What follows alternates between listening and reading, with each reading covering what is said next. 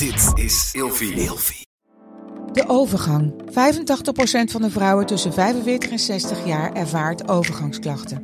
Klachten die kunnen leiden tot een verkeerde diagnose of langdurige arbeidsongeschiktheid. Wat kun je doen als je overgangsklachten ervaart? Hoe maak je dit bespreekbaar op je werk? En als jouw medewerker bij jou komt, wat kun je als werkgever dan doen? Sector Instituut Transport en Logistiek heeft een kennisplatform ontwikkeld waar jij terecht kunt voor tips en adviezen. Wil je hier meer over weten? Kijk dan eens op stl.nl/slash overgang.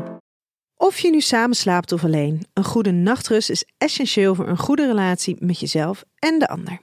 Emma Sleep komt nu dan ook met een hele fijne korting, waardoor je koninklijk kan slapen. Met de code Relatievragen in hoofdletters krijg je 10% korting bovenop de 50% korting die je nu krijgt op het bed dat ik bijvoorbeeld heb. De Emma Storage Deluxe Boxspring. Handig voor als je goed wil slapen en extra opbergruimte wil. Dus ga snel naar emmasleep.nl en bestel jouw bed. In de podcast Relatievragen wordt elke dag een relatievraag beantwoord door meer dan 10 experts, waaronder psychiater Glenn Helberg, Jurre Geluk van Spuiten en Slikken, psycholoog en auteur Nienke Nijman, social wetenschapper Linda Duits en seksjournalist Marit Idema. Deze en nog veel meer experts hoor je zeven dagen per week in de podcast Relatievragen. Op Spotify, Apple Podcasts en alle andere podcast-apps. Ik, ik weet niet, ik had een keer een, eh, een iPad of zo en ik wilde een foto laten zien aan mijn schoonmoeder. Er stond nog een, porno-site open. Dus ik duw gewoon letterlijk zo die Ja. pornofilm onder haar neus. I love en ze it. zegt zo, oh dat geeft helemaal niet hoor, dat kijk ik ook wel eens samen. En ik echt zo, nee, nee, nee, nee.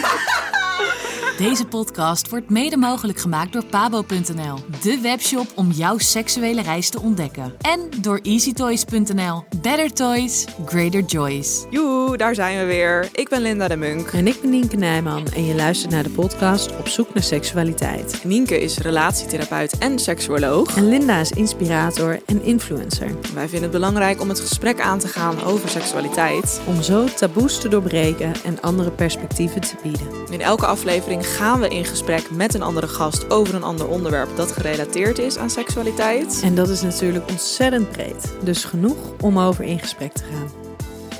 Joe, we zijn er weer. Ja, ik zeg altijd joe, hè. Ik vind dat wel Nou, ja, grappig. het was meer een beetje, je vroeg, zijn we er allemaal klaar voor? En ik was nog in mijn beweging in het ja zeggen. En jij, hoppa, Ja, ik ging er al voor. Ik ga er helemaal voor. Ja. Hey, eh, superleuk dat je luistert naar een nieuwe aflevering van Op zoek naar seksualiteit. Mijn naam is Linda de Munk. Ik zit hier samen met Nienke Nijman en met Disna Lomans. Hallo, hallo. Hi. Nou, Disna, ik dacht, ik stel jou even voor van wat ik van jou weet, is dat jij eigenlijk moeder bent. Ja, dat, is- ben ik zeker. Eigenlijk hè, dat dat jouw En- ding is. En, eh, en jullie zijn eigenlijk allebei moeders, dus dat is ook Ja. heel erg leuk. En Disna, jij bent ook Instagrammer en vlogger eigenlijk. Dat Ja, is een klopt. beetje toch wel wat jou op dit moment het meeste bezighoudt. Ja, echt mijn dagelijks leven vastleggen met een vlogcameraatje. Ja. That's it. En wat ik vooral heel erg leuk vind, is om in jouw stories nu jouw hele proces te zien van dat je een huis aan het bouwen bent. Of tenminste dat je een huis laat bouwen. Ja, En eh, helemaal lekker dat gezinsleven, lekker met je leuke kinderen. En ik denk dat dat ook wel de reden is dat ik jou heb uitgenodigd hier om lekker te gaan kletsen Mhm. over. Nou ja, om, omdat je natuurlijk moeder bent, heb je denk ik vast wel wat leuks te vertellen over seks en opvoeding. Want dat is de titel van deze aflevering. ja dat en is heel interessant. Precies. Jij Ja. gaf al hele interessante dingen aan, dus daar gaan we het allemaal over hebben. En Nienke, jij bent natuurlijk ook moeder. En ik ben eigenlijk hier nu de enige niet-moeder. En we gaan binnenkort ook weer met een moeder opnemen. Ja, sorry, ik heb er gewoon echt wat mee. Ik, ik denk, Wil je ons wat vertellen? nee ja, ik, ik, ik heb wel zeker ook de, heel erg zelf de ambitie om moeder te worden. De ambitie. Ja. Is ik voel dat heel erg. Eh, ja, Ik zie ja, mezelf wel echt als, Ja? een, als een typische moeder. En ik denk ook, ik heb ook mijn hele leven al gedacht, ik heb hele brede heupen, dus ik zal vast heel goed kinderen kunnen baren. Dus ja, dat is een beetje hoe ik erover denk. Daar heb ik nog nooit over nagedacht. Nee, maar jij hebt dat eigenlijk ook wel, brede heupen. Ja, Dus dat zal vast helpen. Ik weet het niet. Ik zeg maar Nou, wat. het ging ook vrij soepel. Bij mij eh, zijn ze er ook uitgekomen. En soms zie ik ook wel eens andere dames dat ik denk van nou, Oh ja, hoe kan Waar hoe is het vandaan dat- gekomen? Ja, ja, ja, ik, ja, sprak, ik sprak dus op een gegeven moment een dame en die heeft dus echt maatje 34. mhm. eh, lang, heel slank dus. Eh, en die, die zei dus inderdaad, ja, maar mijn lijf is dus echt niet gemaakt om zwanger te zijn. Want dat, nou ja, zo'n ja. babytje is ongeveer breder dan dat haar Ja. heupen Mhm. überhaupt waren. Dus die was daar, die, dat, ging, dat maakt toch een beetje verschil. Ik- Wat voor soort lijf je Ja, hebt precies. Hoe, hoe gemakkelijk dat gaat. Nou, ik voel me in ieder geval heel erg vruchtbaar en ik wacht er heus nog wel even mee. Ik bedoel, ik ben 26, maar ik zie mezelf wel het redelijke traditionele pad volgen van op mijn dertigste kinderen. Als het me gegund is natuurlijk. Dus, Visualiseren helpt ja, sowieso, dat denk toch? ik. Ik, ik Ja. vind het wel interessant. En, en jullie zijn een jonge moeders, hebben volgens mij redelijk vergelijkbare leeftijd aan kinderen. Eh, zeg Ja. maar. Dus ehm, nou, daar wil ik van straks van alles over weten. Want, want ik was met Disna een beetje aan het brainstormen samen van... hé, hey, waar kunnen we het dan over hebben?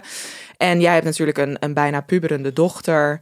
Dus ehm, dat is gewoon, eh, denk ik, wel interessant hoe je er dan mee omgaat. Hoe jij haar eigenlijk een soort van seksuele voorlichting geeft. Of hoe je haar, nou ja, inlicht over de belangrijke onderwerpen.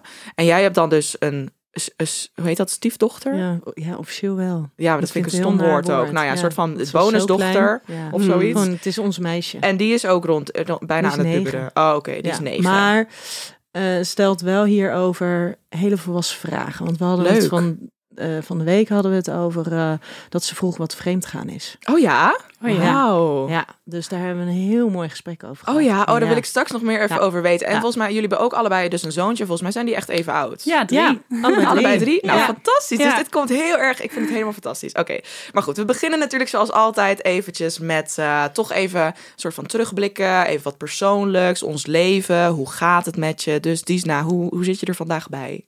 Hoe gaat het? Oeh, nou, ik heb net hierheen gereden. En ehm, ja, ik, vind het altijd lekker om lekker een podcast te luisteren als ik aan het rijden ben. Dus Ja. ik zat eh, lekker te rijden. En ehm, verder ehm, is Je bent gewoon druk, voor druk, mij druk, een dagje toch? even wat anders. Dat Oh, is ook wel fijn, lekker. Want je zit de hele tijd bij je huis en zo. Ja, ik ben Op echt eh, op en neer eh, aan het gaan naar ons huis dat gebouwd wordt, omdat ik dus alles aan het filmen ben. Mhm. Dus eh, dan wil ik bijvoorbeeld iets timelappen en dan zijn de bouwvakkers er niet omdat het regent en dan moet ik een ander moment weer teruggaan. Maar ik heb het er echt voor over, want we maken een serie rondom de hele bouw. En Ja. het wordt super goed bekeken. Dus Ja, ja, dat dat, is leuk. motiveert echt heel erg om alles te gaan filmen. En het is ook echt heel leuk voor jezelf, voor Ja. later. Dat kan ik me voorstellen, Ja. inderdaad. En maar ik kan me nou heel goed voorstellen als je dan zo'n druk, ehm, druk leven hebt met dat soort dagelijks, zeg maar, de typische het, het leven gewoon, wat gewoon heel druk is.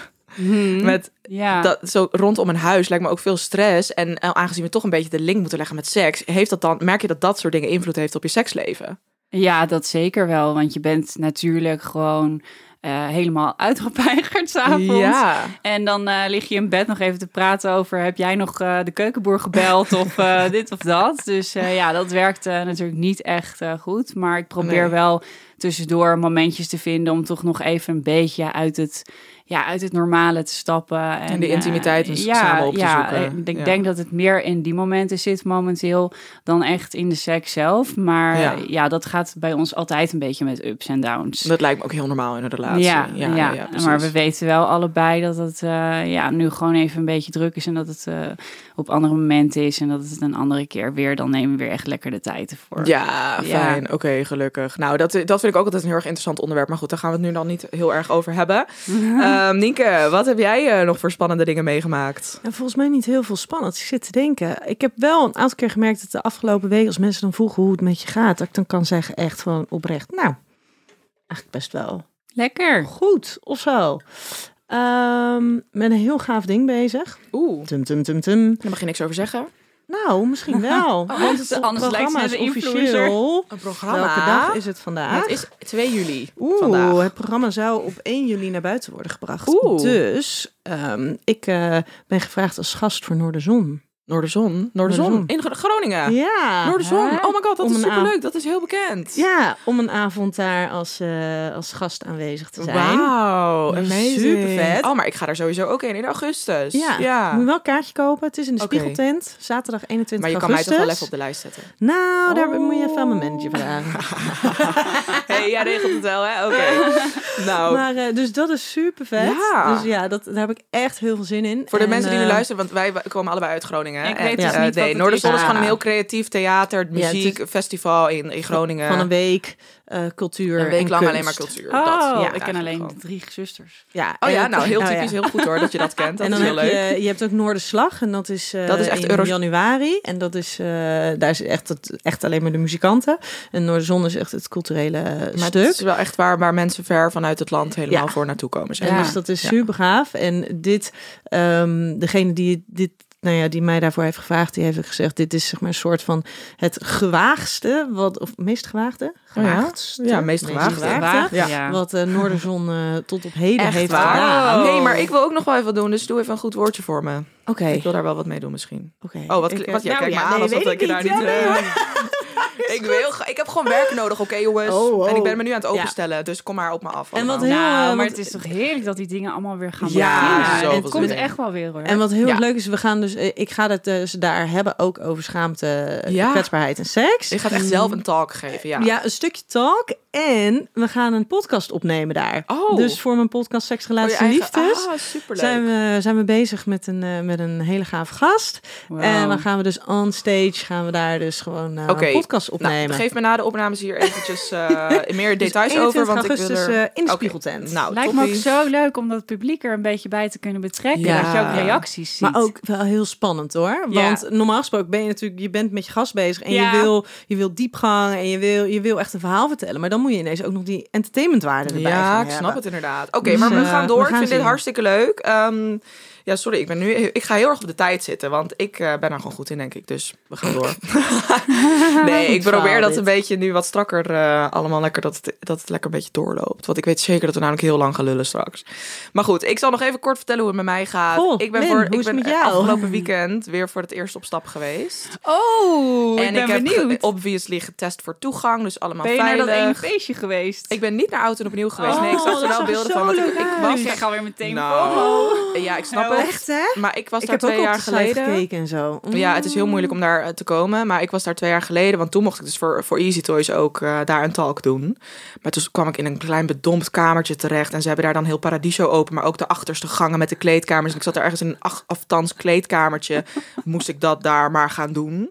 En, elk, en aan elk half uur kwam er een nieuwe groep binnen. Ja, en ik dacht, ik ga ook maar gewoon naar de Zuid. Want dit wordt helemaal niks. En het was super warm daar. En er was helemaal niks geregeld. Nou goed. Verder vind ik oud en opnieuw een heel leuk feestje. FOMO, eh, valt mee. Nee, oud en opnieuw Zat je niet eens tussen de kratten? Het is een beetje, het, het is een beetje preten, wel redelijk pretentieus, maar tuurlijk, ja, het, eh, je kan er niet zomaar komen, dus daarom voelt het heel exclusief. Dus het is wel leuk als je er kan zijn. Maar ik Ook vond al is het in heel een druk. bedompt achterkaart. Ja, dat en maar verder was ik daarna ook gaan feesten in Paradiso en dat was wel heel erg leuk, maar wel druk. Dus. Heel goed. Maar wat Maar- ik wil zeggen over op stap het? gaan. Ja. Eh, ja, op stap. Nou, eindelijk weer lekker met, met andere mensen tongen. Dat, eh, dat gevoel, dat vind ik... Ik vind namelijk het allerleukste aan op stap gaan, vind Tongen. ik dus tongen met andere mensen. En natuurlijk ook met mijn vriend, maar ook met andere mensen. Dat vind ik lekker leuk voor de afwisseling. En dat daar weer leuke goede afspraken over, dat is gewoon eh, heel gezellig altijd. En het gaf me echt weer even nieuwe energie. Ja. Dus Ja, Ja, en je zei ja. net dat je werk nodig hebt, toch? Ja, Lekker maak daar je werk tongen. ja, kan ik daar op een of andere manier mijn werk van maken? Zeker Ja, wel. tuurlijk. Ik denk het. Tongen, Ja, ja, heel intiem. En dan gewoon tongen voor een tientje. vragen. Tongen voor een tientje. Oh, leuk. Nou, dat voelt dan toch wel weer een beetje... Wat? Dus zal ik, ga ik zo met een bordje in Groningen Ja? midden in de stapstraat staan, ga ik zo zeggen tongen voor een tientje. Moet je voor de Nou, Febo gaan staan. Nou, hoppa. Ja, daar op de hoek inderdaad. Ja, ja, ja, ja.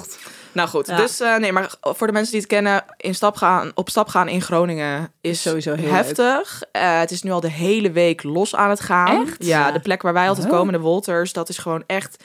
Ja, Groningen is echt. Je kan op maandagavond helemaal naar de tering. Maandag, niet dinsdag, normaal. woensdag, donderdag, Ja, vrijdag, zaterdag, zondag. gewoon. Ja, dat wist Ja, ik wel van en Groningen. Maar ik bedoel ja. nu, dat het alweer zo Om, snel juist weer... omdat het de eerste week is en er wonen zoveel studenten, iedereen wil gewoon er Oh, ja? helemaal tegenaan. En dan moet je niet testen of iets Jawel, je moet dus testen van voor toegang en die test is dan veer- 40 uur geldig. Oh, oké. Dus je bent En waarschijnlijk. dat is dan zo'n test die je zelf doet? Nee, dan moet je naar, eh, wel naar zo'n testlocatie, maar dan weer niet Oh. van de GGD. Nou ja, goed, allemaal. en dan eh, betaal je ook weer voor Nee, nee, nee, dat is gratis. Vanuit Oh, dat de is overheid wordt het wel gratis. gratis geregeld. Oh, dus ik ga gewoon standaard uur in de rij staan. Nou, vorige week heb ik inderdaad twee uur in de rij gestaan. Uh, gisteren ben ik gaan testen en eh, dat was gewoon vijf minuten Maar klaar. dan kan je daarna gewoon het hele weekend los. Ja, precies. En dan Veilig ergens los. Ja. Veilig losgaan. Wat ergens wat? Nou ja, veilig los. Dat vind ik weer zo'n ding. Als je nu al hoort overal hoeveel mensen er overal Ja. besmet zijn. En dus de, de, Is het zo? Ja joh. Ja. De, de echte Nou, krantenberichten weet- stromen binnen van mensen die afgelopen weekend besmet zijn geraakt. Oké, dat is wel best. Maar ik Ja. weet dat ik naar een plek ga waar iedereen heel streng wordt gecontroleerd. Maar ik vind het wel fijn dat je, want de afgelopen keren hoorde je natuurlijk elke keer dat jij zei eh, dat het eigenlijk niet zo goed met je ging. En dat je geen Oh, energie nee. had. En Nou, ik ben wel nog steeds en een beetje zoeken. Ja. En, Dat is waar. Ik ben nog steeds wel redelijk zoekende. Ik heb wel halve mental breakdowns gehad, maar dat kwam ook omdat ik weer... Ik ben nu ongesteld en toen moest ik vorige week ongesteld worden. Bla, bla, bla. Dus het, het gaat met golven bij mij altijd. Mijn mood is gewoon één grote golf. maar je kan wel weer tongen met anderen. Precies, daar ben ik blij om. Ja. Ik zou toch nadenken over tongen voor een tientje. Tongen voor een tientje. tongen voor een tientje. Ja. Ja, iets anders werkt niet zo lekker. Je kan je prijs nee. wel verhogen, maar dat is waar. Maar wat wil ik dan zeggen? Dan heb ik met iemand getongd. Ja, dat kost dan een tientje. Neuk Ja. op. Nee, zou ik toch voor tongen voor een tientje gaan? Als je, als je er zo blij van wordt. Ik weet niet helemaal of dit mijn carrière switch wordt. Maar ehm, nou, goed. Eh Disna, ik heb jou gevraagd of jij Of ik even wil wilde nadenken. nee, dat niet. Maar ehm, of jij wilde nadenken van... hé, hey, wat is nou... want je hebt natuurlijk ook redelijk wat volgers. Wat is nou een vraag die jij veel krijgt eh, vanuit jouw volgers... eh, waar misschien andere vrouwen die ergens advies over willen... of willen weten hoe jij bepaalde dingen doet... Als je het niet hebt, is het niet erg. Dan heb ik er nog wel een, een vraag achter de hand. nou, ik heb wel, eh, bij mij vragen mensen meestal hele persoonlijke dingen, omdat ik natuurlijk mijn persoonlijke leven deel Ja. door middel van vlogs. En dan ga je best wel, ja, eh, veel van je privéleven delen. Dus ze zien gewoon continu mijn gezin. Het is niet zo dat het echt zo'n familievlog is. Het draait wel allemaal om mij en Ja. hoe ik alles beleef. En ik maak het ook niet voor kinderen. Ik maak het echt voor ja, andere vrouwen zoals ik zelf ben. Maar als eh, jongeren dan allemaal reageren, en die reageren toch wel meer, dan eh, vragen ze Mhm. Dat merk ik vooral, ook, eh, hoe zit dat met Jola, met je dochter? Hoe zit dat met haar vader? Dat is echt een vraag die heel veel naar voren komt, omdat ik zeg maar een zoontje heb gekregen met mijn vriend Bart. En Jola, die is van mijn ex. En ik Aha. ben vroeger met mijn ex twaalf jaar samen geweest. En daar is zij uit voortgekomen. Maar toen ze twee was, zijn we uit elkaar gegaan. Mm. En eh, ja, dat is natuurlijk in die video's niet allemaal duidelijk hoe dat dan precies is gegaan. En wie dan haar vader is. Dus dat vinden mensen heel interessant om te weten. Ja, dat snap ik wel. Wat, wat vindt haar vader ervan dat zij dus in die video's eh, zichtbaar is? Haar biologische Ja? vader? Eh, ja, hij vindt het eigenlijk heel leuk. Hij weet ook dat ik gewoon heel erg creatief ben. En dat ik het heel erg leuk vind om die video's te maken. En, eh, Maar heb je echt, heb je dat van tevoren wel met hem overlegd? Nou, we hebben eigenlijk heel weinig contact. Hij woont in Curaçao. En Oh ehm, ja. In het begin eh, woonde hij nog wel in Nederland. En toen hebben we het er wel eens over gehad. Maar het is niet zo dat ik het echt gevraagd heb. Want zij is wel gewoon echt voor... Ja, ja zij valt echt onder mijn armen, zeg maar. Ja, ze woont natuurlijk echt helemaal bij jou Alleen ja, ik, ik ben met, met video's en dingen vragen aan mensen... ben ik altijd gewoon een beetje... Ik ga een beetje op mijn gevoel af. En als het niet goed voelt, dan ga ik het wel bespreken. Maar dit voelde gewoon goed. Hij is zelf ook wel eens in de, in de video's geweest. Hij is wel eens voor de gein. Als hij langskwam, dan pakte hij de vlogcamera... en dan ging hij ook even Oh, filmen of zo. Dus dat zit gewoon helemaal goed. Ja. Fijn. Ja. Dat lijkt me inderdaad wel belangrijk dat je dat met elkaar eh, kan bespreken. Oh, maar dat wist ik helemaal niet. Maar dan hebben jullie toch nog redelijk dezelfde situatie. Dat het Ja. is natuurlijk voor jou helemaal Ja. je dochter en voor jou dan een soort Ja, van... en, en zij was eh, negen maanden toen, Toen. ze uit elkaar Oké, gingen. ja. Dus dat is, Ja, dus je kent ze ook weten niet gewoon anders. niet beter. Nee. Het is gewoon hun gezinnetje. Ja. En, eh, Wat een bonding dit. Nou, Ja. hè. Jullie hebben veel overeenkomsten. Eh, Oké, nee, maar dat snap ik. En, en, en kijk, ik heb dit eh, ook wel heel erg gekend, omdat ik ook altijd vlogger was. Dus ik weet inderdaad dat als je heel veel persoonlijke dingen deelt, dat mensen ook hele persoonlijke vragen gaan stellen. ja, En dat je bij sommige dingen wel eens denkt, ja, wil ik daar nou open over zijn? Of eh, ga ik nou, dat ik wil delen? er zelf overal open over zijn. Daar heb ik Ja. echt geen probleem mee. Maar ik heb gewoon wel te maken met de andere personen waar ik over Ja. praat. Dus ja. Dat merk ik nu namelijk heel erg. Want ik ben echt wel aanzienlijk minder open gaan delen over mijn seksleven. Sinds ik nu een, al 2,5 jaar een relatie heb. Mhm. En ik weet dat hij er waarschijnlijk niet heel veel moeite mee zou hebben. Maar ik voel mezelf dan denk ik gewoon sneller bezwaard. Ook al weet ik dat hij het helemaal oké zou vinden dat ik alles zou delen. Nou, alles is dan wel overdreven. Maar dat, in principe kan ik eigenlijk veel meer delen dan ik nu doe. Uh, maar daar ben ik toch ja, wel voorzichtig mee. Omdat, ja, Wat ik is wil... het Ik, doel ervan? Nee, dat precies. Dus ik merk nu wel dat ik soms wel eens wat deel dan over hoe ik dat dan bijvoorbeeld doe met lekker met andere mensen tongen. En dat vinden heel veel mensen ook heel erg interessant om dan te weten van, oh, pak je dat dan aan? En eh, Ja, en je Hoe heb je deelt het het nu een beetje op een andere manier. Hè? Want in plaats dat je het gewoon random eh, bijvoorbeeld op Instagram allemaal gooit, ja, is het in de podcast vertel je natuurlijk best wel veel. Hè? eigenlijk dan is wel. het net wat meer ingedekt. Ja. Heb je net even wat meer ruimte om het En echt over context, te hebben. precies. In Ja. plaats van dat je eh, in een Instagram post daar een heel topic van gaat maken. Ja. Daarom ben ik zo'n fan van, ja, vooral YouTube dan in mijn geval, of Ja. podcast, omdat je het gewoon kunt onderbouwen. En het is niet zo van, kijk wat ik heb gedaan. Nee, luister dan eerst even naar het hele verhaal. Ja, precies, inderdaad. Dus dat is heel interessant. Nou, dat is fijn ook een beetje achtergrondinfo over jou. Ja. Ik denk dat we eigenlijk wel even lekker door kunnen gaan naar de stellingen. Want eh, we gaan het Mag ik, natuurlijk... mag ik heel Ja. even, voordat we naar de stelling gaan. Mhm. ehm, ik zie net jouw beeld van jouw camera uitgaan. Ik weet niet of dat... Oh, hoort. van je camera. Oh ja, joh, dat nee, joh, niet ik uit. ga niet alles, eh, het is Oké. gewoon een timelapse. Dat is even goed. een kort, kort, Een vlogcameraatje, die staat eraan. Ja, Ja, Thanks voor de reminder. Ja. ja, that's nice. Oké, nou de eerste stelling. Ehm, heb ik, misschien heb ik deze net nog veranderd voordat ik het naar jou stuurde trouwens. Ik weet het even niet meer. Oh, toch Ehm, nog een verrassing. Ja, als je niet open over seks kan zijn, of niet open naar. Oh, als je niet open over seks bent naar je kinderen, dan krijgen zij geen goede seksuele opvoeding. Ja, ik heb daar ideeën over, maar... Oké, eh, over, doe- heel benieuwd. Ik ben heel benieuwd naar jouw idee. Ehm, ik, ik, ik vind het een beetje een dubbele. Want aan de ene kant eh, zou ik zeggen, ja, je moet open zijn, maar je moet natuurlijk helemaal niks. Het is gewoon, denk ik, een mooie manier om het makkelijker te maken. Eh, maar ja, als jij echt niet open wilt zijn zelf, en dan is er nog steeds een andere manier om het te bespreken. Eh, ja, in mijn situatie helpt het wel om zelf heel open te zijn. Ja, Ja. dus hoe doe je dat dan bijvoorbeeld?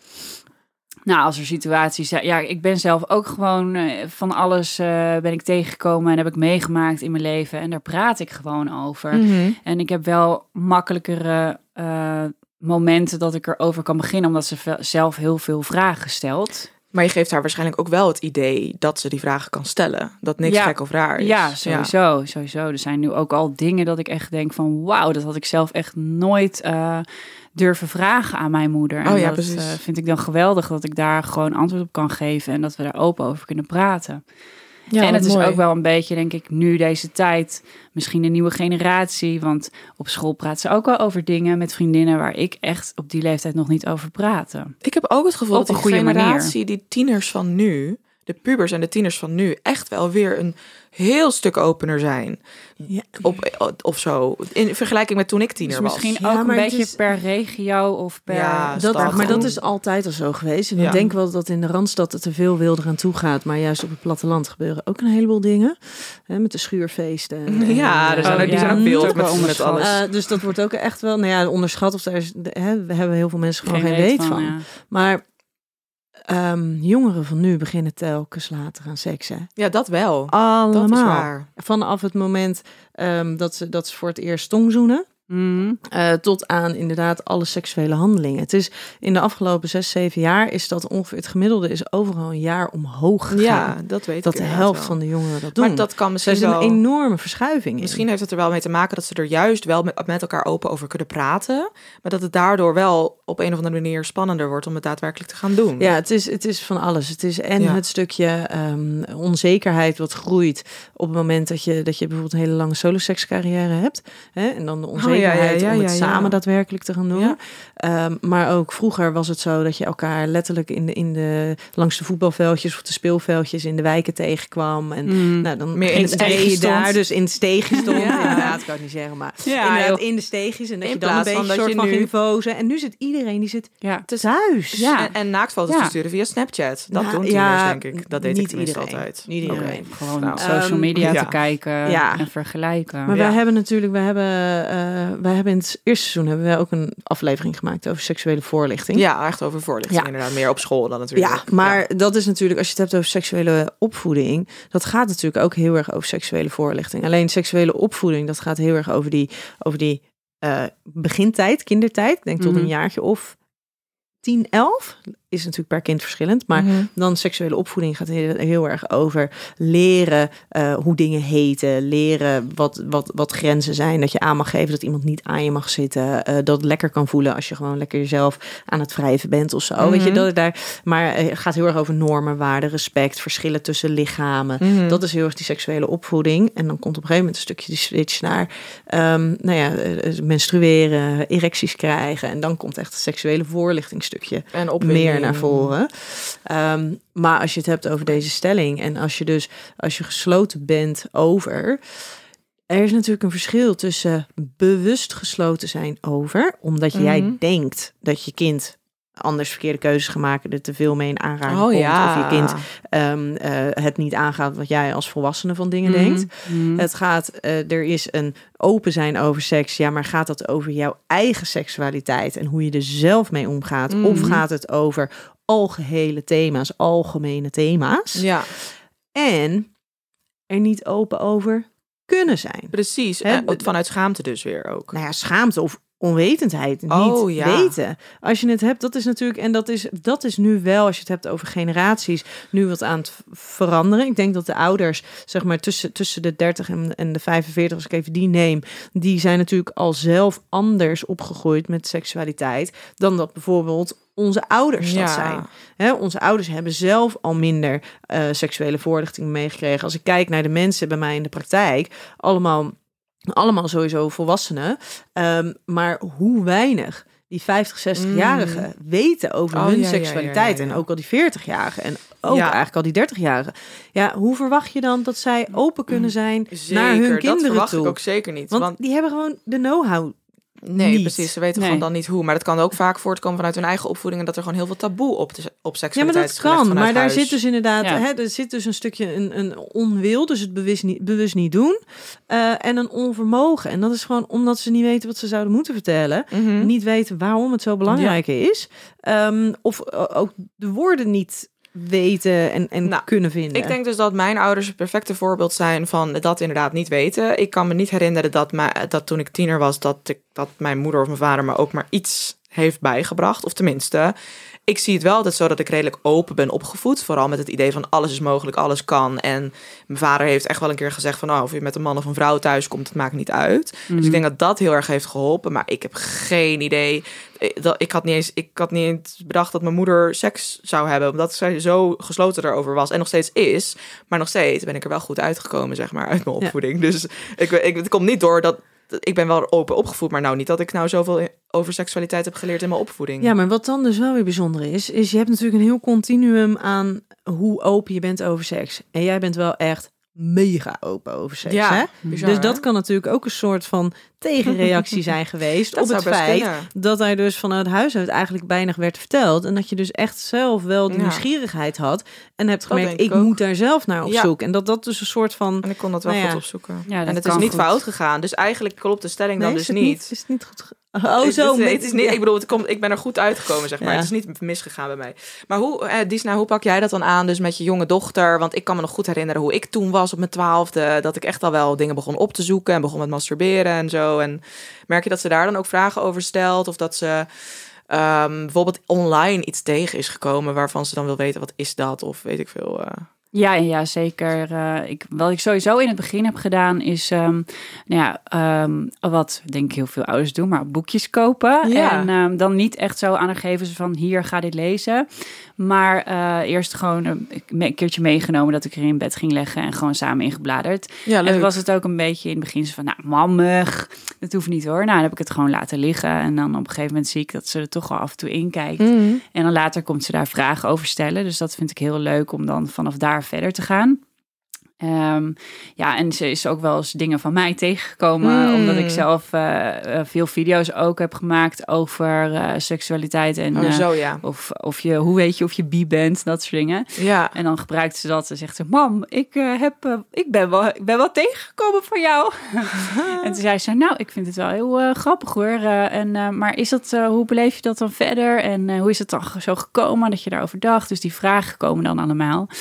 En eh, toen zei ze dus van, nou, ik denk dat ik eigenlijk ook wel zo erover denk. En eh, Oh, ik ga dat dat, wel ontdekken. En ehm, ja, dat is... het- ja, Want jij identificeert jezelf ook als biseksueel in principe. En daar heb jij dat dus ook gewoon open... Ja, nou, ik heb eigenlijk gewoon verteld dat ik, dat ik eigenlijk, ja, ik weet niet of ik biseksueel ben of niet, omdat ik nooit echt heb ervaren dat ik echt verliefd werd. Nee. Maar wel dat ik gewoon heel nieuwsgierig was en hoe dat dan was om, eh, om dat te ontdekken voor mezelf. Mm. Ja, en ik vind nog steeds eh, niet dat je het per se een naam hoeft te geven of dat je ehm, ja, zo heel erg in hokjes moet denken al op die leeftijd al. Nee. Maar ik vind het wel belangrijk dat ze gewoon op deze manier leert van hoe kan je zelf ontdekken ja, wat je leuk vindt. En dat alle je- opties ook openstaan. ja, alles nog ja, kan ja, veranderen. ja, en dat is wel belangrijk, vind ik dan, om open over te zijn. Want als zij alleen maar uitgaat van wat ze ziet, bijvoorbeeld op internet of om zich heen, ja, dan kan ze gewoon een, eh, een beetje een ander beeld vormen dan dat Mhm. het in de realiteit is. Of juist gaan denken dat ze iets is wat ze misschien helemaal niet is, maar omdat mensen allemaal zo eh, bezig zijn met die benoemingen van dingen. Ja, Ja, ik ja, ken ze ook allemaal waar. niet al die woorden hoor, maar Ah, alles van de LGBTQ community. nou, ja. dat zegt zij dus ook. Dat Oh, weet ze al helemaal wat Oh, dat goed, allemaal is. goed, ze heeft ook zo'n vlag eh, besteld en die hangt. Een regenboogvlag. Ja, oh, wat leuk. Wat goed. Oké, dus ze is helemaal eh, pro ehm, alles wat niet hetero is, zeg maar. Ze staat daar, als ik snapt heel goed dat, je, dat er zoveel mogelijkheden zijn om je seksualiteit mee te soort van benoemen. Wat goed zeg, wat fijn. Want het is echt heerlijk, denk ik, als je op die leeftijd gewoon al weet dat in ieder geval de mogelijkheden er zijn. Zijn. Dat het allemaal bestaat. En ik ben dus op zich wel redelijk dat ik niet hou van mensen in hokjes stoppen, maar wel van de labels, omdat het soms makkelijker maakt om dingen te benoemen. Mm. Ehm, dus ik zeg wel eens, ik ben biseksueel, maar meestal vind ik het eigenlijk ook gewoon queer. eh, Gewoon niet hetero. En verder weet ik het eigenlijk ook niet. Dus, ik, vind, eh, ik vind het echt wel heel fijn dat mijn, mijn broer, die is homoseksueel. Dus die is, eh, is samen met zijn, eh, met zijn vriend. Ehm, ik heb tweelingnichtjes, die hebben allebei een vriendinnetje. ja. En ik ben daar eigenlijk wel heel erg blij om. Ja. Nee. Ehm, dat, zij, dat, zij dat, dat die kinderen opgroeien in een wereld waar dit zo normaal is. En waar ze dit Mhm. zo van dichtbij mogen meemaken. Ja. Want op het moment dat, ze, dat zij zien dat dat, dat, dat er gewoon is, ehm, dan wordt het dus ook een mogelijkheid voor hen. Ja, Zonder dat ze daar verder over na hoeven te denken eigenlijk. Mhm. Want dan geef je ze, weet je, je kan ze in woorden, je kan ze van alles mee vertellen. Hè? Je kan altijd zeggen tegen, tegen kinderen van ja, maar dit is wat er kan en dit is wat er kan en dit is wat er kan. Ja, maar, als zij gewoon echt zien zien dat het kan. dat het er is. Ja. En dat dat, dat, men, dat dat mensen zijn die, die liefde kennen en die Ja. gewaardeerd worden en gerespecteerd worden. Hoe fijn is dat dan? Dat dat is wat je, wat Ja, je echt, voorbeeld hè? is. Ja. ja. En daar ben ik zo onwijs blij mee. Ja, Ja. dat is ook wel gewoon heel erg goed dat er gewoon steeds minder haat ontstaat. Daardoor hoop ik in de wereld. Ja. Ja, ik weet niet of we al zover Dit zijn. vlak. Maar nee, dit helpt wel zeker mee, inderdaad. Maar ik hoop wel dat het een beetje als een olievlek zo blijft Ja. verspreiden. ja, inderdaad. ze heeft af en toe echt van die dingen. Dan, dan gooien we even een onderwerp op tafel. En dan mag iedereen gewoon zeggen wat, wat ze erover vinden. En mijn vriend heeft ook bijvoorbeeld soms een hele andere mening ergens over. Maar dat mag hij dan ook gewoon vinden. Mhm. En toen laatst zei ze ook van... Ja, maar eigenlijk is uit de kast komen ook raar. Want waarom, waarom moet, moet iemand uit de kast komen? Je bent toch gewoon wat je bent? Ja. En dat zijn echt van die opmerkingen. Ja, dat is fantastisch, prachtig als een ja. kind van elf dat al zegt. Mhm. Dat ze daar zo over nadenkt al. Wauw, ik had echt wel, als ik terugdenk, dus eh, ik, heb, ik heb namelijk op mijn twaalfde dus echt huilend bij mijn moeder gezeten van, mam, ik denk dat ik biseksueel ben en ik weet het niet en kan dat eigenlijk wel en eh, ik weet, ik weet gewoon niet waar ik op val. Ja, En als ik toen dus al dat gevoel had gehad, inderdaad, dat ik dat dat gewoon heel erg normaal was, dan was het heel anders. Want ik heb het toen nog daarna heel lang weggestopt. En toen ben ik pas echt weer op mijn zestiende of achttiende pas echt uit de kast gekomen.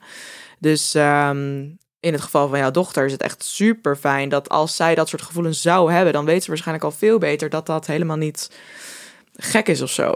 ja. Toch? Dat is dan, dus Ja. zij heeft, groeit er gewoon op in een hele comfortabele omgeving. Dat is echt top. Tenminste, op het gebied van seksualiteit kan je niks Ja, zeker hebben. als je een beetje weet waar het vandaan komt. Dus ik vond het zelf gewoon heel moeilijk te bepalen. Komt het nou vanuit, vanuit een nieuwsgierigheid? Ook omdat meisjes natuurlijk wat verder van mijn bedshow stonden. hè, Mhm. moeilijker te bereiken. eh, of, of, of heb ik er echt gevoelens voor? Dat Oh ja, wat precies, vond ik dat gewoon een heel ik, groot ja. vraagstuk Ja. bij mij. Ja, inderdaad. En Ja. bij interieur bent er nog steeds niet echt achter van wat je er nou mee wil. Ja, ik ben wel met vrouwen geweest. En Ja. eh, ik heb Oh, wel ervaren dat dat gewoon te heftig was voor mij. Oh ja? Oh, leuk. Maar Ja, seksueel of relationeel? Relationeel, ja. Ja, dat Oh. was gewoon te veel ups en downs in één pot gegooid voor mijn gevoel. Maar het kan natuurlijk ook zijn dat je een vrouw vindt die dat niet zo heeft. Hè? Dus dat je gewoon de verkeerde persoon. En daarom Ja. kan je beter denken in personen. Ja, dat vind ik ook altijd een hele mooie gedachte. We gaan door naar de volgende stelling. Ik heb liever niet dat mijn kinderen op jonge leeftijd al beginnen aan seks. Ja, dus deze stelling is vooral voor jullie, maar ik heb misschien ook al wel hypothetisch een eh, antwoord op. Ja, jij vindt ze nu te oud worden of niet? Nee, maar ik, de, wat is doen aan seks? Nou ja, Is dus dat gewoon een- alles. is dat eh, seksueel, seksuele handelingen verrichten? Of is dat Ja. nieuwsgierig zijn, dingen opzoeken, dat soort dingen? Laten we het echt even hebben over echt seksuele handelingen. dus Ehm, van pijpen in een steegje tot all the way neuken in een bed. Nou, ik, eh, de, de, de- ik was zelf vrij jong. De, de- laat me vooropstellen dat ik de kinderen nu te jong vind. Ja, ja, ja, ja. Die laten we even eh, dat. Ja. Ehm, sowieso, zeg maar, denk ik dat tot basisschoolleeftijd dat dat wel echt te jong is. Zeker Mhm. ook gewoon omdat het contrast in, in wereldbeleving. Ja, maar het heeft toch ook gewoon te maken met lich- een lichaam die nog niet vol ontwikkeld is. Oh, Nou. heel, ja, weet je, ik, ik kocht in groep 5 mijn eerste BH. Ja, Ja, maar dat heeft toch Dus- niet zo heel veel met seks te maken? Nee, maar met hoe je lichaam dus verandert. Oh, en oké. dat soort Oh, dingen. ja, ja, ja. Ja, want dat vind ik ook zoiets. Zeggen heel veel mensen, ja, je dochter is elf, is echt nog geen puber. Nou, geloof Ik, me. ik was echt ja. op mijn negende. vrouw. Ja. Ik was echt op mijn negende was ik ongeveer echt al was ik al vol aan het puberen. Wauw. Ja. Oh ja, dat Ja, kan ja, wel, dus rond mijn negende tot mijn twaalfde hebben mijn ouders het zeg maar een soort van die vonden het het spannendst met mij. Mhm. Eh, dus dat is op zich vrij vrij vroeg. Ja. Ehm, maar ik was zelf vrij vroeg en daar ben ik op zich, ik, ik heb nooit iets. Ik ben, ik ben heel gelukkig dat ik nooit in een situatie ben gekomen eh, waarvan ik dacht, ik wil hier niet in zitten. Oh. Of ehm, eh, ik sta hier tegen mijn zin en daar ben ik heel erg blij mee. Ehm, maar ik weet ook wel dat het een soort van geluksdingetje eigenlijk is geweest. Mhm. Want het had net zo goed wel zo kunnen Mhm. gebeuren. Ja, dat en dan denk ik van ja, maar als dat dus op jonge leeftijd je Mhm. referentiekader wordt van hoe, hoe seks is, dan is dat wel echt, echt wel shit. Ja, hoe Ehm, jonger, hoe kwetsbaarder ook. Precies, en Ja. dat is het. En niet zozeer in, ehm, ehm, in dat je eh, niet, niet per se weet eh, wat, wat, wat je wil op zo'n moment, maar wel in het aangeven van grenzen. En je bent nog niet zo assertief. Als je 12, 13 bent en er staat iemand tegenover van een paar jaar ouder, Mhm. ja, je, je wint het niet. Je kan niet assertief genoeg zijn. Weet je, Mhm. dus daarin ben je gewoon een stuk kwetsbaarder. Ja, Je staat veel meer, zeg maar, de peer pressure is veel Oké, groter. oké, maar als we het dan echt hebben over, nou, je bent 14, je dochter is 14 en, eh, en, eh, en ze gaat ervoor omdat ze het echt heel graag zelf wil. Nou ja, dan ben ik de laatste die daar wat over Ja. mag zeggen. Of Zou je je kinderen zo lang mogelijk willen beschermen? Ja, met waar tegen?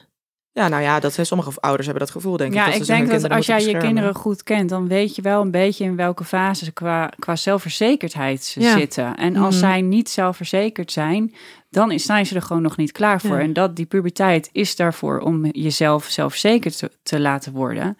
En dat, ik denk dat dat wel kan beschadigen als je dan in die tijd al eh, inderdaad door verkeerde invloeden misschien eh, er te vroeg aan begint. Mm, Ja, en beslissingen maakt die je eigenlijk niet wil maken. En ik denk Ja. dat dat heel belangrijk is. Ja, En dat als jij gewoon sterk genoeg in je eigen schoenen staat. ehm, maar goed, dat is voor een kind ook een beetje lastig beoordelen. Maar ehm, ja, als, je, als jij daar gewoon achter staat. En je bent eraan toe. En het is een soort van in een veilige context. En ook al is dat met iemand Ja. die niet je vriendje is of je vriendinnetje is, maar wel vanuit een bewuste nieuwsgierigheid. Dan denk ik dat, dat, nou ja, dat het helemaal niet zoveel kwaad kan. Nee, Maar er zit ook een stukje kwetsbaarheid in. ja. Ik kan me herinneren dat ik ook wel redelijk veel, ook heel veel stiekeme dingen natuurlijk deed. Want ja, als je 15 bent, eh, ik was 17 toen het echt penetratieseks voor het eerst was. Maar ik heb laatst ook in een stuk gelezen, ik vond het wel heel mooi dat er ook gewoon letterlijk stond. Ja, weet je, je een, een eerste keer telefoonseks, dat is misschien voor jou de eerste keer seks. En dan, dan kwam er ineens allemaal flashbacks van, oh ja, toen Ja. ik 15 was, toen had ik altijd telefoonseks met een vriend. En dan echt gewoon samen masturberen aan de telefoon, weet je wel. En die, die ontdekking is me eigenlijk zo dierbaar. Want ik denk, wow, toen heb ik echt als met zo ontzettend veel consent dat kunnen ontdekken. En dan is het, gun, ik gun dat echt elk tienermeisje, Ja, maar zeg dat is inderdaad, dat is fijn. Dat Ja. je dus dat het met wie het ook is, dat dat iemand is met wie je die, die ruimte hebt om ehm, te experimenteren, om dingen te ontdekken. eh, en dat, maar dat het veilig is. Mhm. Ik denk dat dat veel belangrijker is dan leeftijd. Ja, ja dat, dat denk ik, dat sowieso inderdaad, ja. Weet je, want dan kan je misschien denken op een gegeven moment, oh, ik ben 19, ik ga studeren en eh, ik ben nu oud genoeg. Maar weet je, als dat eh, in een dronken bui is, in een situatie die eigenlijk helemaal niet prettig is, Nou ja, dan heb ik liever Nou, dat je inderdaad, 14, hier. 15 bent en Ja. dat het allemaal goed voelt en dat het met volledig consent is. Dan Ja. dat je denkt, ik ben oud genoeg en, en vervolgens is het al, allemaal shit. Mhm. Nee, precies. En, en hoe is dat? eh, Heb jij het gevoel dat jij je dochter daar voor wil beschermen? Of zou je er juist een beetje aanmoedigen van... hey, ga lekker ontdekken en ga het doen? Of...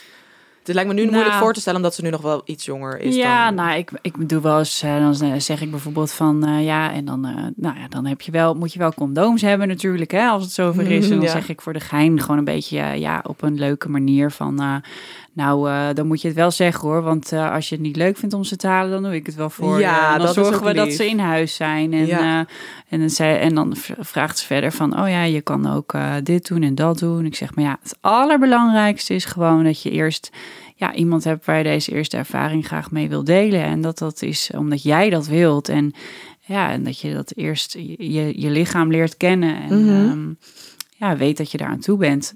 Maar verder dan dat komen we nu nog niet nee, echt. want het is natuurlijk ook niet heel concreet. Heeft waarschijnlijk ook niet iemand Nee. waar ze dat... Nee, dat is nu nog gewoon dan toch nog wel redelijk te jong. Maar jullie zijn beide natuurlijk wel redelijk sekspositief ingesteld. Ja, dat je en ook wat niet... we ook wel bespreken is dat er eh, bijvoorbeeld, eh, dan laat ik een liedje horen. Dat vind ik wel leuk. Van laatst la- eh, liet ik een liedje horen van Christina Aguilera en Little Kim. Eh, Oh, mm, over, eh, over dat ze dus ehm ja, Wat, hoe, hoe gaat het? Ik weet even niet waar je het over hebt. kent Hold Us Down, Ja. toch? Ja. Oh, Eh, nou ja, dat Oh. ga, dan, dan schreeuwen ze gewoon echt zo van waarom mogen worden mannen als tof gevonden Oh en ja? wij als hoeren. Ja? En dan ga ik gewoon dat liedje met haar samen luisteren en dan zeg ik ja, wat vind jij daarvan? En zegt ze ja, inderdaad, het is echt zo dat dat ja, jongens die zijn cool, weet je wel, als ze een meisje scoren. ja. En eh, vrouwen die zijn sletten. En eh, ja, dus dan leg ik haar een beetje uit van ja, dat is een beetje, ja, dat is slutshaming. Ja. En ehm, wat vind je daarvan?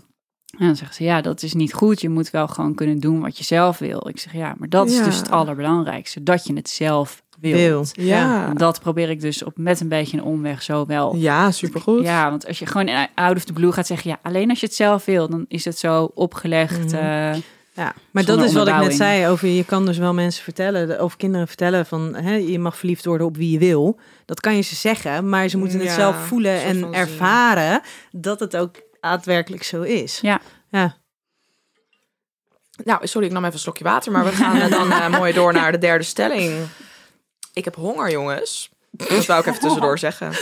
Nou, ehm, oké, dit is een beetje in dezelfde lijn eigenlijk. Maar eh, ja, als mijn kinderen aan seks beginnen, hoef ik dat niet te weten. Maar of zelfs, misschien kan ik hem beter omdraaien. Als mijn kinderen aan seks beginnen, wil ik dat heel graag weten. Nee, Nee, wil je dat niet weten? nee. Ik ben, zou dat mijn ouders weten. die, die wisten dat. Mijn ouders die hebben dat ook nooit geweten. Wel dat iets, maar ik heb het ook nooit met mijn ouders over gehad. Hmm. Ehm, nee, want daar zit denk ik een stukje autonomie. ja, dat is ook zo. Daar zit een stukje Mhm. autonomie van, van kind eigen zijn, van een eigen persoon zijn, eh, daar zelf je beslissingen in kunnen maken. Ja. Alleen daarin zit dus inderdaad een soort van het hele voorspel daar naartoe is als ouders zorg ervoor dat ze die autonomie kunnen, kunnen dragen. Dat Ja. ze daarin zelf die verantwoordelijkheid op kunnen nemen. Dus daar Ja. zit zeg maar het voorspel naar dat je kinderen seks hebben. Ik hoef het niet te weten. Aha. Nee, laat het lekker. En jij dan? Nee, ook niet echt. Zeker niet als, ja, als ze bijvoorbeeld ook zichzelf eh, gaan ontdekken of zo. Dan, eh, en ik zou dat zien bijvoorbeeld. Ja, dan, Ja. dan zorg ik ook dat ik snel weg ben. ja, ja, Dan, ja, eh, natuurlijk. ja, weet je, het is gewoon, een, denk ik, ook een natuurlijke reactie. Dat je daar niet echt iets mee te maken hoeft te hebben. Mhm. En als ze vragen heb, heeft, dan, ja, dan komt ze daar vanzelf wel mee, hoop ik dan. Mhm. En dan zijn het dingen die ze gewoon zelf wil weten. Maar ja, het is gewoon een stukje privacy, denk ik ook, Ja. die je ze ook moet gunnen. Zeker. En ja, ik denk dan altijd, hoe had ik het zelf gevonden? Nou, verschrikkelijk. Mijn moeder had echt niet... En, hoe was het? Nou, ik heb op een gegeven moment na een aantal keren wel... Ik, sowieso had ik 100% door dat mijn ouders het heus wel wisten dat ik het deed. Want het was ook in mijn eigen huis en waar, dat ik bij mijn ouders woonde met mijn eerste vriendje. Mhm. Maar ik heb het denk ik pas echt later echt, echt verteld. En het er dan ook echt een beetje over gehad. Maar op een gegeven moment was ik wel zodanig open over seks naar mijn moeder... dat ik ook wel vertelde van, oh, ik heb hier een trio gehad. En, eh, Ja? Ja, en mijn moeder is nooit super gehad, wild. Zo die openheid. Of ik bedoel niet wild. Ik zei mijn moeder is Preuts. eh, ja. Ja. Of nou ja, preuts niet. Maar ze is totaal niet wild geweest of iets. Gewoon een rustige moeder. En ehm, dus, maar ze vindt het dan wel lachen om van mij te horen wat, wat mijn wilde verhalen altijd eh, waren. Maar echt soms al op mijn twintigste of zo. Dat toen, of toen eigenlijk pas op mijn twintigste dat ik dat soort dingen met haar deelde. Op mijn zeventiende deed ik dat nog niet hoor. Ik vind het wel grappig, want ik heb toevallig vorige week nog een gesprek gehad met mijn moeder over dat, eh dat Yoda het dus nu heel normaal vindt om te praten over dat ze misschien bi is en Ja. weet ik veel wat. En dan kijk ik dus en dan zegt mijn moeder, ja, dat zei ze ook tegen mij. En dan vind ik het wel grappig om nu dan die gesprekken te hebben met mijn moeder. Maar dan sta ik er verder buiten, dan is het niet meer zo op mij. Nee. Maar ik denk dat ze wel weet gewoon van mij. Ik bedoel, ik ben altijd open geweest over alles. Maar het is niet zo dat ik echt heb, heb gezegd van nou, eh gisteren dit of dat. Is altijd na een tijdje. Dat dan. heb ik ook wel hoor. Ja, Ja. na een tijdje al. Ja, nou, het ligt er bij mij wel een beetje aan. Maar eh, het is nooit dat mijn moeder daarnaar vraagt. Dus hij wil het eigenlijk helemaal niet weten. Maar ik. ik eh, Heb ik niet vertelt een het keer er iets gezien in een video? Dat er iemand, of was het je zus of zo? Dat er iemand kwam Ah. binnenlopen en dat je zei, ja, ik heb het even over... eh, Oh ja, dat zou best kunnen. Een oudere video op YouTube. Volgens mij had je ooit een keer een video best dat, wel kunnen, ja. dat er iemand binnen kon lopen. Dat je zei, oh ja, ik heb het even over eh, dit of dit. De mijn zusje, denk ik, in de je- woonkamer toen ja? ik bij mijn ouders woonde. Ja, dat denk ik. Oh, leuk. Ja, grappig. En, eh, maar ik, ik zit dan te denken van, ja, ik denk dat ik wel zo'n moeder ben die het best wel van haar, als ik een dochter zou hebben, Mhm. het wel zou willen weten. Bij, eh, ik denk dat dat puur de soort van moeder-dochterband is die ik heel graag zou willen hebben. Echt bijna als een soort vriendinnen. Maar ja, ik weet ook niet of dat goed, of dat goed is. Ik heb natuurlijk geen verstand van. Maar en ik denk als ik een zoon zou hebben, dat ik het toch ook minder verwacht dat hij dat met mij zou delen. Ja, terwijl ik me ook weer kan voorstellen dat als je naar je zoon toe, weet je, er eh, is natuurlijk een beetje het idee van, weet je, ouders voed je zoon op. In denkbeelden, in hoe ga je om met seks, met, met, met je bedpartner en dat soort dingen. Ik denk, ja, dan ja, zou ik eerder denk daar meer op zitten en bewuster van zijn.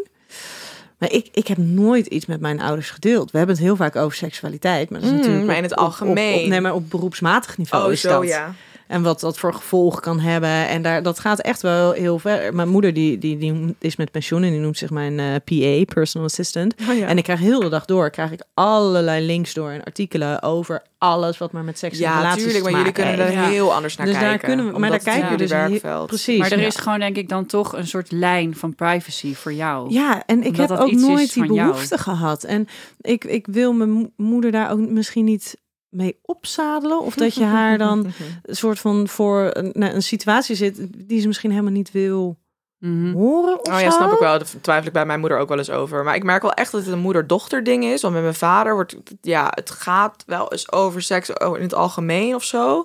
Dan geeft hij me soms ook wel eens wat wijsheden mee, want zo is hij heel Ja. erg.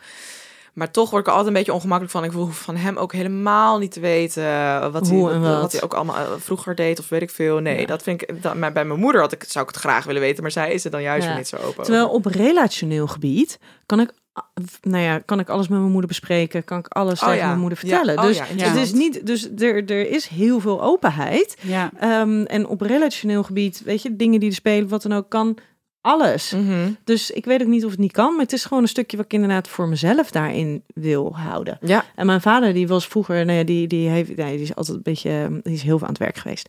Ehm, dus die is niet zo heel erg aanwezig geweest in ons, in oh ja, ons dus dan had je leven. daar minder gesprekken Ehm, mee. dus daar, die gesprekken waren er sowieso niet. Mhm. Eh, en daarvan, weet je, die, die had dan op de camera die hij mee had op vakantie. En dan waren we foto's aan het kijken van vakantie. En vervolgens kwamen daar alle operatiefoto's van alle piemels en zo voorbij. Dus nou ja, weet je, dan kwamen er allemaal piemels voorbij. Ehm, dus weet je, dat, daar was helemaal geen schaamte of Nee, dat soort dingen precies. voor. En ehm, eh, ik weet nog, hij had altijd drie dingen. Je moet niet achter op een scooter zitten. Je mag niet roken. En eh, je moet condooms gebruiken als je seks hebt. Nou, Dat waren zijn drie dingen hoezo niet achter op een scooter? omdat hij in het ziekenhuis de een na het andere ongeval Oh, binnen zag komen van Ja. mensen met hersenletsel. Oh eh. jeetje, ja, ja. ja, ja, Ja, oké. Nou, heel belangrijk. Dus dat, maar die condoom zat er wel bij. Ja, ja, ja. Condoomgebruik, niet op de scooter en niet roken. Goed zeg. Dat waren ze. Nou, wel goed dat je dat Ja, en misschien is het ook een beetje die awkwardheid die je zelf ook voelt tegenover jou. Dus dat je dat ook niet aan je eigen kinderen wil doorgeven, zeg maar. Want ik weet nog wel dat, ik, ik weet niet, ik had een keer een, eh, een iPad of zo en ik wilde een foto laten zien aan mijn schoonmoeder. Er stond nog een, porno-site open. dus ik duw gewoon letterlijk zo die pornofilm onder haar neus. I love en ze it. zegt zo... Oh, dat geeft helemaal niet hoor. Dat kijk ik ook wel eens samen. En ik echt zo... Nee, nee, nee. nee. Oh, ik weet één keer, ik weet één keer dat ik, dat ik eh, toen woonde ik nog thuis en toen wilde ik gewoon in de ochtend wilde ik naar mijn ouders toe lopen en ik wil die deur open doen en hij zit op slot. Oh en ik nee. denk, oh nee, oh nee, dit voelt, dit, terwijl er niks was. Ja. Er was, er was geen geluid, er was geen beeld, er was niks. Maar het feit dat die slaapkamerdeur op slot zat, dat ik oh nee. Dus ik, weet je, daar mo, nou ja, in, Het is in een soort mijn natuurlijke beleving, reactie Ja, in mijn jou. beleving mogen daar heel erg grenzen zijn. Maar ik vind dus wel, hè, als je het inderdaad over seksuele opvoeding, want anders zitten we daar ook alweer door de tijd heen. Hmm. Ehm, ehm, ik vind het dus prachtig als er dus vanuit de kinderen, en dat gebeurt ook bij de jongste al, dat er dus vragen worden gesteld. Dat van, ja, maar waarom is dit dan? En hoe werkt dat dan? En van de week, wat ik al in de, bij, de, bij de intro zei, was dat ehm, het ging dus over vreemd gaan. Ja, oh ja. Dat woord viel ineens. En ehm, eh, toen, toen vroeg ik dus ook aan. Ze, ze- ja, er was iets. En toen vroeg ik dus eh, aan, aan Doutzen van ja, maar weet je wat vreemd gaan is? En toen was het dus van ja, als je dus verkering met iemand hebt en eh, je gaat dan iets met een ander doen. Mhm. En toen hebben we dus het gesprek erover gehad. Van nou ja, weet je, als je dus verkering krijgt, als je een relatie met iemand hebt, dan maak je een soort van afspraken van eh, jij en ik, wij horen samen. En als we kussen of als we hand in hand lopen of hè, als je wat ouder bent, ehm, dan, dan, dan doe je dat dan samen. Maar je mag ook andere afspraken maken. Je mag ook afspreken van ja, wij zijn samen en wij zijn heel erg verliefd op elkaar, we zijn heel erg gek op elkaar. Maar het kan ook maar zomaar zijn dat je dus afspreekt van, maar we vinden het ook goed als je een keertje met iemand anders afspreekt. En Of een keer met iemand anders gaat tongen in of met iemand anders een keertje gaat zoenen. nou ja, tongen in een club. Het blijven meisjes van Oké, negen. ja, hè? sorry. Dus Nee, eh mind geen bijverdienen voor het Nee, precies. nee, maar daar moet je natuurlijk wel gewoon, zeg maar, leeftijd True, eh, ja, ja, adequaat moet je daar woorden gebruiken en, en antwoorden geven. Ehm, dus eh, daarin kan je dus inderdaad dan zeggen, en, en wij hebben, nou ja, eh, Ramon en ik hebben heel veel vrienden en er komen hier veel mensen over de vloer en er blijven ook wel eens mensen slapen. En daarin kun, kan ik dus heel mooi als voorbeeld geven van ja, wij, als er hier iemand komt slapen, hè, en het is gewoon een, een, een vriendin van papa en ik ben er niet en die, en die slaapt dan in bed en, en nou ja, daar, daar weet ik Mhm. ook dat dat is oké. Ehm, ik vind dat oké.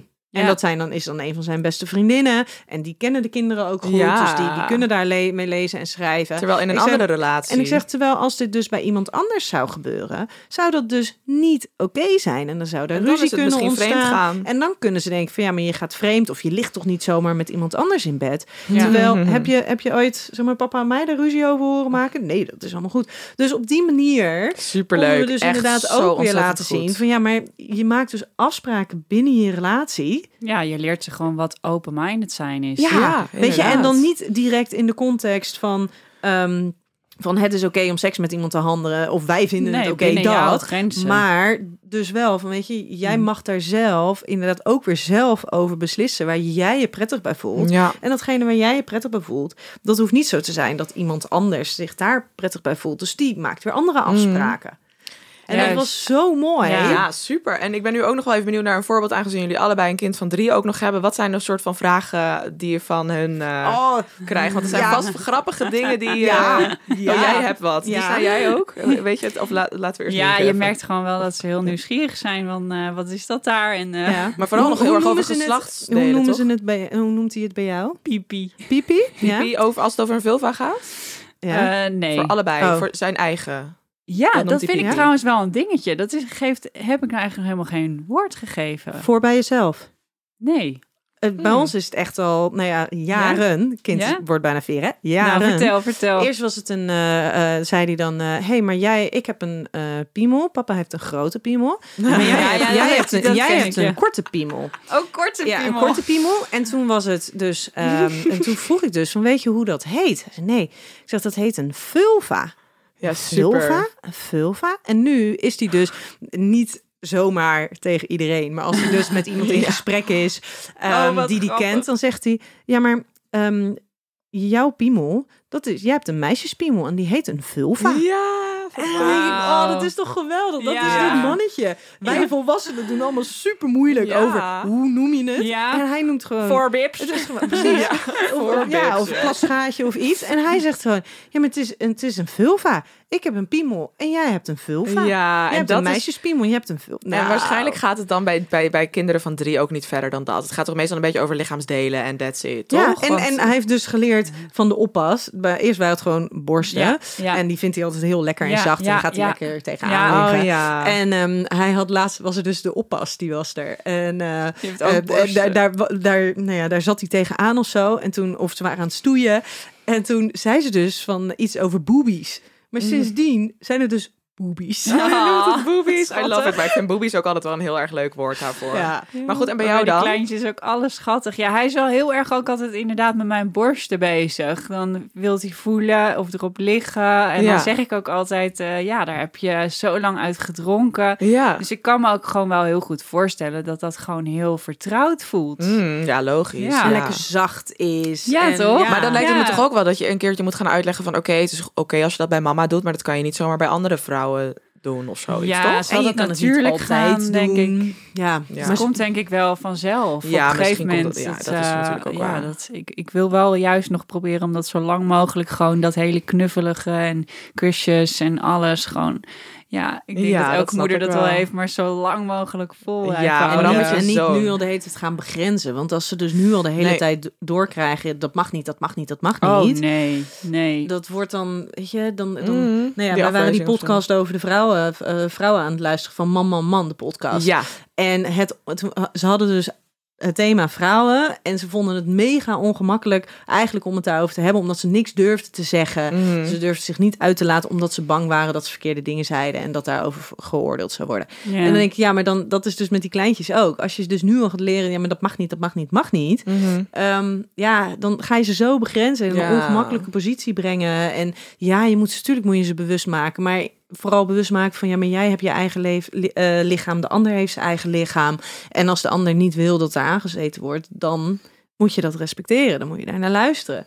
Maar niet nu al zo continu ja, begrenzen. Het komt ook een beetje door de grote vergrootglas wat overal erop zit. Zeker bij die grote podcast. Dat is echt. Ja, dat is natuurlijk lijkt waar, wel dus ik lastig snap dat het wel. iedereen maar een mening heeft Ja. en eh er bovenop duikt. Precies. Gelukkig is dat bij ons niet zo, want we hebben een lekker knus kijkersgroep. Nou, dat valt ook wel weer mee. Maar we hebben superveel kijkers, eh, luisteraars bedoel ik. Want je kan nu ook kijken op YouTube voor de mensen die dat trouwens nog niet weten. En ik ga er ook een einde aan breien, want we zijn al bijna een uur bezig.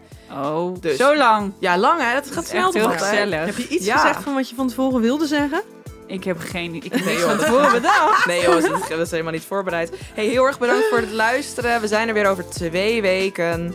Tot de volgende keer. Tot de volgende keer. doei, doei.